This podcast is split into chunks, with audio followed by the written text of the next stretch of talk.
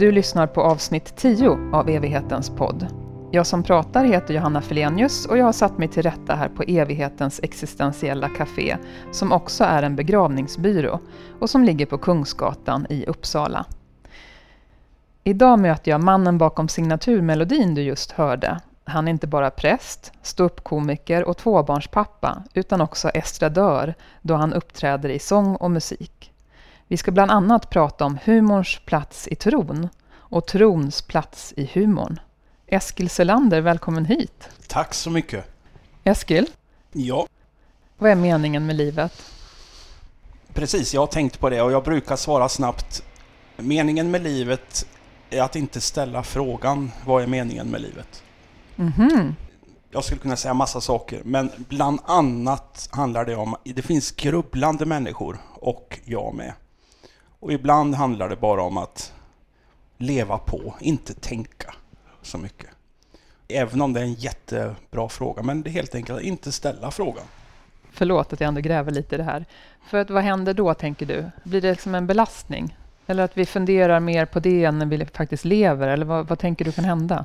Ja, alltså för mig är det mer att det går inte att hitta det. Det är klart man kan ju uppleva stunder där det verkligen är där man är sådär i fas. Det skulle kunna vara. Till exempel om man sitter och klipper en film. När man sådär bara försvinner bort. Men det är bara en del i livet. Det kan vara en skön känsla men det går nog inte att säga att det är meningen med livet att klippa film tror jag. Men det du beskriver är ju någon slags total närvaro, låter det som. Ja, Att tiden inte spelar så stor roll eller Mm. upphör liksom. just det. Men har du alltid haft den inställningen eller är det någonting du har liksom erövrat? Nej, men jag gillar ju eh, citat, eh, så att då har jag väl brukat säga det. Och det är väl lite med glimten i ögat, eh, sådär. Du är numera kyrkoherde i Hofors i Gästrikland och tidigare så har du varit präst i Märsta här i Uppland. Vad innebär det här med kyrkoherde? Vad gör en sån? Ja, men jättebra. Alltså, det behöver man inte veta eller kunna. Det är ju mer ett fackuttryck. Eh, och de flesta tror att det, då är man trädgårdsmästare. Inget fel i det, stor respekt. Men det det handlar om är ju att man har personalansvar för de anställda. Och alltså man har det här juridiska personalansvaret. Man är präst. Sen är man också på ett teologiskt plan den som eh, lite leder vandringen med Gud inför hela församlingen och även personalen. Så man är lite både och. Men präst också då. Och även ansvarig inför biskop, för man är liksom biskopens förlängda arm. Så. Mm. Och hur ser det ansvaret ut? Det är ju kanske formellt inte en kyrkorättsligt är det ju då, men man kan ju inte bli dömd i en domstol om man har- missköter sig. Det handlar mer om en gammal struktur som finns fortfarande, att episkopalt, att biskopen leder och så har man löften inför Gud och inför kyrkan och inför församlingen att man ger löften som präst. Och då är det de biskoparna som viger präster och man står liksom i en stor tradition. De här prästlöftena, de förändras inte i och med att du blir kyrkoherde, eller? Nej, nej precis. Du är uppvuxen i en kristen familj. Hur tänker du att det har präglat dig att ha en präst till pappa? Jag tänker, jag har det med modersmjölken. Det har nog gjort på ett sätt att jag faktiskt blev präst. Även om när jag var, när jag var liten och även upp tonåren tänkte jag, nej men jag ska inte bli det för att pappa är det. Men eh, det blev så. Sen har jag blivit präst på ett sätt som, hej pappa, om du hör förresten. Det vet man ju inte, han kanske hör nu. Det positiva är, det mest positiva, är att man, jag känner mig så hemma i kyrkan. Jag känner att man är ledig på måndagar. För mig är det helt naturligt, för han var det och jag är. Men det, sen finns det ju också, till exempel när jag gjorde praktik inför att bli präst, så ville jag börja så långt bort som möjligt. Så då var jag uppe i Luleå stift och gjorde all praktik. Och då bodde vi i Bohuslän, familjen. Så att det var lite skönt verkligen börja på sitt eget sätt. Sen en gammal farfar präst, farfars bror präst och pappa är präst. Jag är så här stolt. Det är verkligen skråt. Samtidigt, det var jättestor brottning för mig. Vill jag det här? För att det finns en aspekt och i prästrollen, är man lite, man är lite hämmad kanske. Ibland är det lite sådär, jaha, vad jobbar du med? Och då känns det nästan inte vill berätta. För det finns så mycket åsikter och tankar och sådär. Ja, ibland säger jag bara jag jobbar i kyrkan, men man kommer ju fram till det ändå. Om du inte hade blivit präst, vad tror du att det hade blivit av dig då? jag kan ju svara utifrån vad jag skulle ha velat bli, men sen kan man ju svara också rent eh, eh, vad jag tror. Så jag vet inte vad du vill ha svar på. Både och. Ja, det jag faktiskt skrev i den här antagningskonferensen, alla präster går på antagningskonferens. Jättebra, för att se, passar man och så kan man få nej eller ja. Och då skulle man formulera sig, var kanske 26 år, vad, vad skulle du vilja bli istället? Då skrev jag brandman. Och när de antog mig sen så sa de att bara den formuleringen kände de, ja men han, han är bra. Ja, vad skulle jag ha blivit? Men, det är väl det jag håller på med bredvid. Tänk att få sjunga och spela, göra film, eh, skoja, skriva böcker och få betalt. Det hade varit fantastiskt, så det är nog det då. Så på sätt och vis så har du egentligen inte valt bort dina andra drömmar? Nej, jag tänkte att de har väl fått finnas där lite, men nu blommar jag. Jag är ändå 48 år och jag känner att det fungerar att vara liksom mer mångfacetterad. Man kan vara det som präst. Mm. I Norden i Sverige är det tyvärr så att det finns ibland en schablon av att en präst ska vara, inget fel i det, men en präst ska vara socialdemokrat, ha tofflor, ha en lite så här grå, vara väldigt kamreraktig, försiktig, stilla och lite tråkig inom citationstecken. Och det, det blir nästan en ett underliggande krav att så ska en präst vara, även då kanske i kyrkan. Men om man går till England, anglikanska kyrkan, USA, där är prästen, pastorn mycket friare.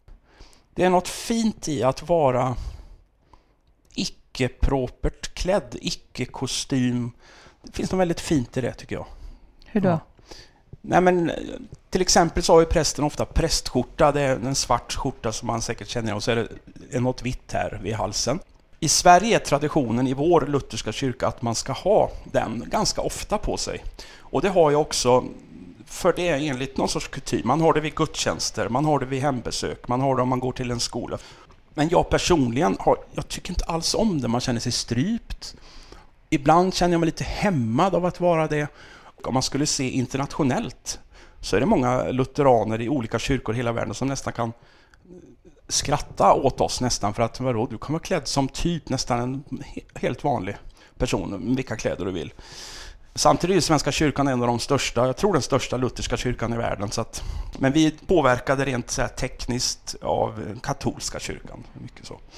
Jag har den jättemedvetet, verkligen, eh, när jag har den inte. Men betyder det att för dig så sitter inte prästyrket i vad du har för kläder och inte? Nej, absolut inte. Däremot är jag fullt medveten om att jag är präst hela tiden.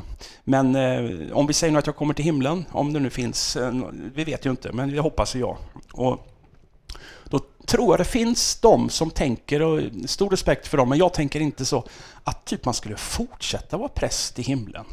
Jag tror tyvärr att svarvaren tror jag inte heller måste vara svarvare när han dör och vara i himlen. Men Nej, men jag har svårt för det. Att, varför skulle man vara präst i himlen? Det är ett vanligt yrke här som är viktigt med kallelse och Gud och allt. Men svarvaren har också en kallelse och det är sådär superlutherskt. Så. Jag tänker att vi ska återkomma till detta ja. om, om det eventuella livet efter detta. Ja. Vad ser du som ditt främsta uppdrag i egenskap av präst? Mycket bra fråga. Det är att ha den största respekt för den människan jag möter. Och det är så kanske jag tänker i mitt liv, men att verkligen ha det. Att tänka, Gud har redan varit där när jag möter någon. Så viktigt. Största respekt för den andra människan. Och där kan jag nästan stolt säga att jag, jag tänker så, vill tänka så, även om jag kan missa det ibland. Men det är oerhört viktigt att ha den största respekt för den andra som jag möter. Oavsett tro eller vad det inte är. Eller så. Du har skrivit en bok med vad du kallar mikrobetraktelser. Den heter Hur ska man beskriva det? med ett frågetecken. Vad är det du vill säga med den titeln? Ja, precis. Att jag kallar det mikrobetraktelser, det är på baksidan och jag har snott det. Det är Horace Engdahl som skriver det i hans bok Cigaretten efteråt, då har han det på baksidan. Boken jag har skrivit är helt för min egen skull. Det är en sorts bearbetat mörker som jag ibland kan känna i livet, men det har hjälpt mig jättemycket att sätta ord på saker som jag har bearbetat. Att nästan peka finger åt mörkret. Att göra konst av det där bedrövliga, meningslösa. I början skriver du så här. Med ord kan man i alla fall kanske känna. Utan ord känns det inte. Och jag tänker att du jobbar ju verkligen med ord som präst, som ståuppkomiker genom den här boken. Vad betyder ord eller att få formulera sig för dig? Det är jätteviktigt att få sätta ord. Ett exempel är att jag har under 11 års tid haft det som kallas social fobi, heter det. Där man kan vara, få panikångest bland människor. Det hade jag dels, att jag var tvungen att gå ut från olika rum, för jag trodde jag skulle kräkas. Och det gjorde jag aldrig, men det var liksom, för det var liksom så skamligt. Tänk om man skulle kräkas här inför alla. Och de här åren visste jag inte vad det var. Jag tänkte, är jag galen? Vad är det här? Men så läste jag Expressen där, eller vad det var, att det här, det här finns, det kallas för social fobi. Och då blev det liksom att man är någon, någon satte ord på det här. Så det är bara en, en konkret sak. Så. Och hur märkte du av, du säger att du hade social fobi. Hur började det? Ja, det började någonstans när jag var 16 år i samband med skolmatsal, många människor. Och just kring mat handlar det om. För det är en sån... Jag gjorde lumpen första dagen i lumpen, jag var väl 20 år och så skulle man, det var ju lång kö självklart, det var korv stroganoff. Och då vet ju jag innan här, jag kommer inte kunna äta en enda sak. Och det var ju, för mig var det ju sån skam kring det. Och då vet jag, när jag sitter där, jag har fått upp en jätteportion, det känns som tegelsten. Och vi sitter ju fem stycken, nya, lite nervösa, blivande soldater kanske. Och då sitter jag där och jag känner om jag tar en liten, liten risbit här så kommer jag... Tänk om jag då kräks, liksom kommer det. Och då vet jag alltid där, efter 7-8 minuter kommer alltid frågan som jag tycker är fruktansvärd. Jag tänker på alla mätstörningar och allting, så jag kommenterar aldrig ja, vad mycket du äter eller vad lite du äter. För att man vet inte alls vad det handlar om. Och då kom ju frågan, ja, ska du inte äta? Och då fick jag hela tiden hitta på eh, lögner. Ja, jag mår inte bra, eller jag har ont i huvudet, eller jag mår lite illa. Och det jobbigaste är ju då när man kommer till mattanten, när man ska eh, slänga maten då har ju den så rätt rent tekniskt, men ska du slänga all mat? Då är det på nytt skam. Tänk på de fattiga och vad håller du på med? Och för mig var det inte en ätstörning rent så att jag ville bli smal, utan var mer bara en rädsla för att kräkas. Och um, ibland pratar jag om det här och, och nu blir det speciellt, men det är men, viktigt att prata om. Ja, absolut. Mm. Men betyder det att du åt inte i skolan någonting då? Eller? Nej, men jag hittade lösningar. En grej var i lumpen, om man kunde sitta ute. Då tänkte jag i mitt huvud, ja men då är det inte lika farligt att kräkas. Så då kunde jag vara lite lugnare. Men det är ju ångest i grunden tror jag. Rädd för att kanske göra bort sig eller så. Så jag har ju bearbetat det här mycket i terapi och är väldigt trygg i det. Men jag tror det är bra att benämna det. Det var nog bara med att det landade i att jag fick veta att det heter social fobi och att jag sen har, att det handlar om någonting annat än att kräkas. Men det kan fortfarande ligga latent. Jag sätter mig sällan på en restaurang ensam. I och för sig är det inte så vanligt att man gör det, men jag då kan en anledning vara att nej, men det är mycket folk, lite stressigt och så. Men jag har inga problem nu med att äta, i, i princip. Det är inget jag lider av.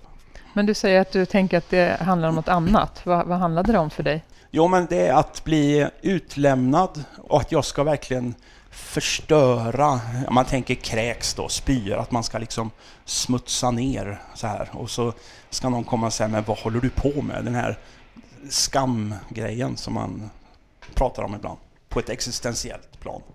Och då får jag plötsligt en bild av att det låter ju som att du i ditt huvud gjorde allt för att inte få uppmärksamhet. Men genom att då inte äta så väckte du uppmärksamhet. Ja. Det måste ha varit väldigt dubbelt i dig. Men det var nog mer rädslan att jag skulle bli sedd i det här skammen, tror jag. Samtidigt blev det ju jättejobbigt när folk skulle kommentera det också. Men du, du har ju valt yrken och värv där du verkligen står på scenen som mm. ståuppkomiker, mm. som präst i predikstolen och så. Mm. Är du jordens mest självdestruktiva person eller? Ja, det är en jättebra fråga. Nej, men det är mycket enklare när man har en vad ska man säga, ett värv eller ett yrke eller att man vet att man kan en begåvning, då har inga problem. Men privat så kan jag vara jätte ibland blyg. Mingla har jag jättesvårt för när man går på en fest sådär. Jaha, hur länge ska man prata med den här? Oj, blev det för djupt nu? Det är klart att jag kan ju föra mig, absolut, men det ändå finns en liten en ansträngning just det här att bara gå runt och mingla. Ja. Jag tror i själva verket att det är väldigt många som har det. ja. Alltså man vet inte riktigt vad som förväntas av en och så. För att Nej. när du är präst Mm. på en begravning Mm. eller vid en Mm. vigsel eller när du är ståuppkomiker så vet du på ett annat sätt vad som förväntas av Ja, dig, eller hur? lättare. Precis. Tillbaka till det här med att ord och få uttrycka sig. Vi ska få höra dig framföra en av dina texter som du har tonsatt. Du har till och med tagit med dig din gitarr. Ja, den är 30 år gammal. Det är den enda gitarr jag har haft. Så att den är lite sliten, men den håller. Va, vad känner du när du tittar på den? Den är Ja, men den mörkbrun. betyder, betyder jättemycket. Det är ett sätt att... Den har betytt mycket för mig att sitta och spela själv och lära sig ackord och, och så.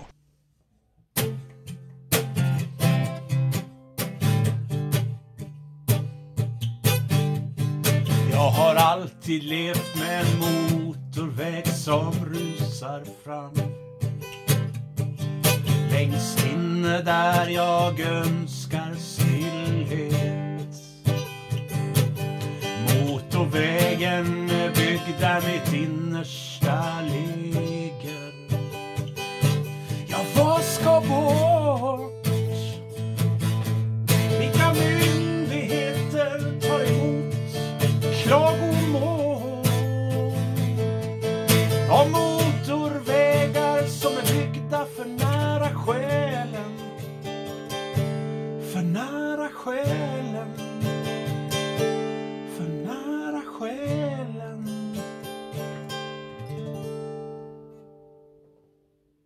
Tack för denna tonsättning. Du sjunger på slutet, vilka myndigheter tar emot klagomål och motorvägar som är byggda för nära själen? Vad tänker du att det skulle kunna ge om vi var lite mer ärliga gentemot varandra med hur vi faktiskt har det? Du har pratat om social fobi, du har Mm. pratat om depression. Jag tror i vårt, jag menar, sista 20-30 åren har vi blivit bättre på det i det här västerländska Sverige och allt sånt. Jag tänker om jag säger min insikt och mina erfarenheter ser jag som en gåva, för jag, det har också gjort att jag har ingen aning om vad du kämpar med, vilket helvete du bär med dig. Att våga vara ärlig, och det kan provocera tror jag en del. Sen är min fördom, jag tror det finns människor där man helt enkelt, man går upp på morgonen, man eh, äter frukost, man jobbar fram till fyra, man kommer hem, man bygger lite på altanen, kanske dricker ett glas vin, eh, kramar frun och sen så somnar man. Och så har man inte tänkt någonting under dagen. Man har haft det i vardagen, man gör det. Och jag har ingen reflektion. Och det får jag också ha respekt för, men jag kan ibland avundas den personen. Tänk att få vara en vanlig person som inte grubblar sådär. Men när du pratar om det här som en gåva, menar du att ditt eget mörker har gjort att du kan vara mer öppen och blank och fördomsfri inför mötet med andra människor? Fördomsfri går ju aldrig, för vi har ju alla fördomar, men i alla fall att... Ja men precis, jag kan i alla fall ha... Verkligen vara varsam med människor, även om jag också kan trampa och göra fel. På din hemsida så skriver du så här. Egen upplevd depression utifrån boken Hur ska man beskriva det? Slutcitat. Jag tänker att det är en väldigt allvarlig sak det här med depression och du har pratat Mm. om social fobi. Och samtidigt så jobbar du med humor. Och när jag läser din bok så finner jag den både mörk och deppig och samtidigt lite så här spjuveraktig. Mm. Och så vet jag inte om jag ska ta dig på allvar eller inte. Det är Mm. en reaktion som du Mm. har mött förut. Absolut, och det är en liten risk. Det finns en dikt jag skriver att lev och njut eh, och eh, le och med kokande lingonsylt som rinner ner för ditt huvud. Så kan det kännas ibland när man ska låtsas vara glad. Och då vet jag en jag mött, han höll på att skratta ihjäl sig för att han var så rolig och jag, det var inte min tanke. Stand-up, då ska folk skratta, då ska det vara roligt. I alla fall i en, en kort gig sådär. Och då vet inte jag, är jag en komiker eller är jag bara en svår poet? Och jag drar kanske åt att tänka att jag är en svår, mörk poet. Jag håller ju på lite med stand-up, har gått en kurs. Och då var det en dam, jag skulle sa hon Eskil, vill du vara rolig? det vill jag ju, men jag har haft någon grej att försöka vara tyst så länge som möjligt på en standup-scen. Och bara det är ju liksom motsägelsefullt. Det är ju en konstart så här. Hade jag varit superetablerad, det är då man får bryta mot regler. Jag kanske gör det lite för tidigt. Så. Men det låter också som att du vill unna dig själv att vara precis så där komplex. Vara väldigt seriös ibland och rolig ibland. Och, Ja, det är nog väldigt naturligt för mig, ja. Precis. för, för omgivningen har en tendens att vilja stoppa in människor i fack. Ja, det Ja, är men bland han är den där prästen som är så här och så här. Ja, ja, Eller exakt. inte både och. Nej. Nej. Och som sagt, man har ingen aning om den där andra människan, hur den mår. Man knappt vet ju själv om man känner sig själv ibland. Mm. Du är också klubbordförande och grundare för Uppsala Comedy Club. Vilken plats spelar humor i ditt liv skulle du säga? Jätteviktigt. Till exempel jag och min pappa, vi skrattar ihjäl oss när vi tittar på John Cleese Fortley Towers där. Det är så otroligt roligt att se den här hotellägaren som hatar gäster. Och han blir mer och mer irriterad och arg och samtidigt löser han det med att försöka vara trevligare och trevligare och trevligare. Det är oerhört eh, fantastiskt roligt är det. Och när jag och pappa tittar på det, vi håller på... Han var och hälsade på här förra året. Jag bjöd upp honom och då slog vi på det och då satt eh, pappa där, jag och så satt Sebastian, tre generationer.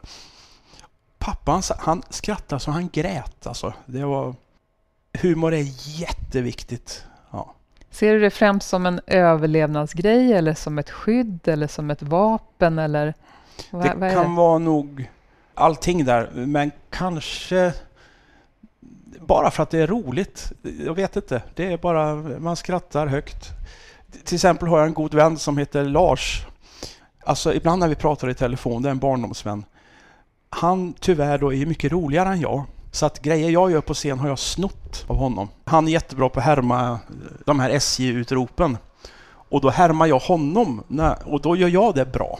Men han är grym. Alltså det. Tåg, tåg, tåg, tåg till Stockholm. Mal, mal, mal, mal, mal, mal. Kom, kom, nu, nu strax in på spår. F- f- f- f- Och till exempel Lars är ju som sagt mycket roligare här då.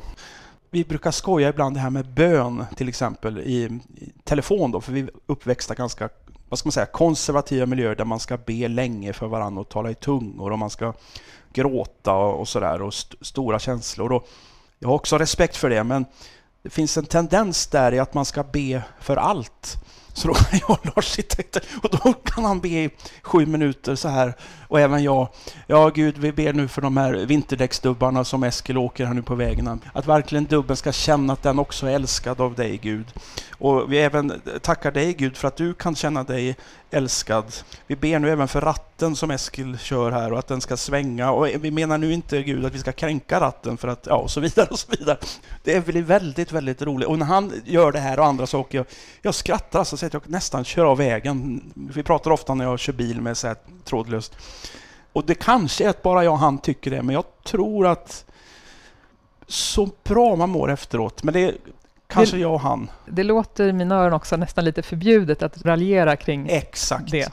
Jag är lite stolt det, för att en biskop, jag hörde han göra det när han höll tal en gång. Och då kände jag, ja men det... Man måste kanske själv ha varit, växt upp i det då. Hur rolig är Bibeln? Eh, Fantastiskt rolig ibland och eh, jättemörk. Tragiska berättelser det finns i hela Bibeln. Både den hebreiska och den, den nya testamentliga finns. Och det, jag har faktiskt gjort ett ironiskt bibelstudium och skrivit en till bok opublicerad. Jag helt enkelt ställer Gud till svars med de värsta bibelställena. Hur tänkte du nu Gud? Det var ju fint att du ville så och göra så. Det finns i hela Bibeln vissa texter som man inte pratar om. Och det kanske man inte ska heller, men det, de står ju ändå där. Och varför står de där? Ett svar jag spontant har det är att det bara beskriver människan. Det finns ingenting som inte står allt i Bibeln. Det värsta, ondskan. Och ibland verkar det som att eh, Gud är bakom det i många texter, oavsett om det gamla eller nya testamentet. Och det är fascinerande. Kan du ge något Ja. exempel på någonting som du tycker är roligt från Bibeln? Ja, och då är det, det finns en berättelse om det är Elia eller Elisa, en profet i Gamla Testamentet, och så är det några barn där som ropar till honom, Ö, din flintskalle, ropar de. Han var väl kanske flintskalle då. Och då Elia och Gud där skickar en, en björn som slaktar de här barnen. För att han hade ropat, de hade ropat upp du flintskalle. Och då finns det alltså en del som tänker, nej men det här det finns någon mening med den här texten på något sätt. Att man ska hitta någon sorts predik och, och då är det bättre att låt den texten vara. För, för jag tänker ju det här när man ska gå med dödsbud då som poliser ofta gör nu för tiden. Tänk om hur låt, lät det då när Elias skulle knacka på alla oss, de här barnens mammor. Ja, jag vill bara berätta att din son har dött här. Det var en björn som åt upp honom för att han kallade mig för flintskalle. Men jag tänkte bara berätta det budet. Ehm, och det har jag egentligen ställt Gud till svars där då i den här boken. Vad, hur tänkte du där Gud? Och, och självklart då, i en konservativ miljö är det intressant att fundera på det, men många är ju lite befriade kring bibelsyn och säger så här, ja men det är klart inte det är bokstavligt och så. Och det, men det står ju ändå där. Jag tänker att i Bibeln är det många drastiska berättelser, det är mycket liknelser, det är mycket bildspråk och det är sådana grepp som man använder inom humorn också. Mm. Vad, vad tänker du om det? Om likheterna i hur man formulerar sig inför Mm. människor? Nej men den texten har ju funnits länge och har liksom traderats och berättats för varandra. En text som håller, då är det ju ofta någonting som berör det allmänmänskliga och man måste nog alltid använda bilder. Man menar ju att Jesus, han säger ju själv eh, evangelierna att det var det enda han gjorde, pratade i bilder hela tiden för folk kunde inte förstå. Och det finns en gammal judisk tanke att om du ska säga att Gud är kärlek så säg inte att Gud är kärlek utan berätta en berättelse.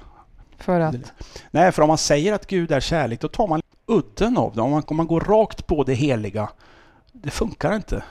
Så vi måste på något sätt gå runt och hitta bilder och där kan hända något. Och då finns det människor, kanske jag också ibland, där man tror att man vet om det heliga och kan gå rakt på det, men det, det funkar inte. men är det något med att vi blir mer berörda om det berättas som en historia? Ja, Än bara så här, Gud är kärlek. ja. För det säger ju ingenting, de orden, tycker jag. Nej, precis. Mm. Ma- Man kan ju fastna i ord också, tänker jag. Mm. Ja. Att det bara blir ord utan mening eller Mm. innebörd eller känsla. Mm.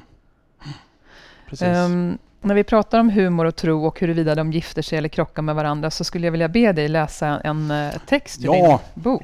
Tänk att få göra det. Fantastiskt roligt. Det står fel i min bibel. Min Gud, min Gud, varför har du överdrivit mig? Herren är inte min herde. Det står fel i min bibel. I begynnelsen var bordet och bordet var hos Gud. Det fanns i begynnelsen hos Gud. Allt blev till genom bordet. Utan bordet blev ingenting till av allt som fanns till. I bordet var liv. Bordet var av trä och Gud sa, eh, var det ljust? Nej, bordet var av mörk bok och ljuset lyser i mörkret och mörkret har inte övervunnit ljuset. Att förvränga förhänget, att blåsa ut ljuset. Du bereder ett ord för mig i mina fienders åsyn. Och bordet blev kött och tog sin boning bland oss. Tänk om Gud hade varit vegetarian. Då hade bordet kanske varit grönt istället som broccoli eller spenat. På Ikea heter bordet Göran. På grekiska heter bordet Logos. På svenska ligger det en bok på bordet. Meny, till förrätt ett fel, till huvudrätt en bok, till efterrätt bordsvatten. Ta på dig mitt bok. Min börda är lätt som en plätt. Det står fel i min bibel. Vad var det som fick dig att våga skriva det här? Ja, jag känner att det är inte egentligen så konstigt för man kan ju kommentera det och så. Det som krävs då, det är egentligen till människor som tycker det är spännande att veta lite om Bibeln mer. Vissa av de här orden är liksom rena citat från Bibeln. För då har jag förvrängt vissa ord. Men det ska man inte säga själv, men det, det är någon sorts befriande sätt att eh, jag fattar inte det här, eh, vad som står, eller Gud, eller livet, eller så. Vad tänker du om eh, humorns plats i tron? Ja, det är en speciell fråga. Det ingår i livet, humor, faktiskt. Ja, men Jesus själv, när han har den här bergspredikan, han möter, det fanns ju inga förstärkare, massa sådana här tekniska saker, utan han fick ju ropa högt. Det är klart att det var människor där som avbröt och allting och lät och så att mellan raderna förmodligen så även det finns rent krasst hur han använder humor. Men då får man ju själv läsa Matteus 5 till 7 i Nya Testamentet. Absolut, att man måste för att fånga så måste man också egentligen bara vara sig själv, men jo men triple and touch. Eller Viktor Borge vad hade de varit utan att ha komedi i det? Triple and Touch sjunger ju fantastiskt bra. Man skulle kunna ha lyssnat på dem och de skulle bli stora. Nu finns ju inte de längre. Men när de också lägger till humor, då blir det ju exceptionellt bra. Viktor Borge, fantastisk konsertartist. Men var ju jättenervös i början, kunde allt. Men så började han använda lite humor då var han helt befriad. Det är bra ett grundkoncept. En jätteduktig magiker, Johan Ståhl här i Uppsala till exempel. Att kunna lägga till humor i en konstart som magi till exempel. Att vara trollkarl, magiker. Det höjer då. Och det är nog för att vi människor, vi... Det är någonting med leendet och, och skrattet och... Ja. Vad tror du att det skulle betyda för folkhälsan om vi tillät oss att ha lite mer distans till oss själva? Att få, att få skratta mer, att ha ja. lite roligare? Ja, det är en hjälp. Humorn gör ju att jag kan ställa mig lite bredvid och skratta åt mig själv eller mörker och sådär. Precis. Humorn är ett sätt att ha distans. Ironi finns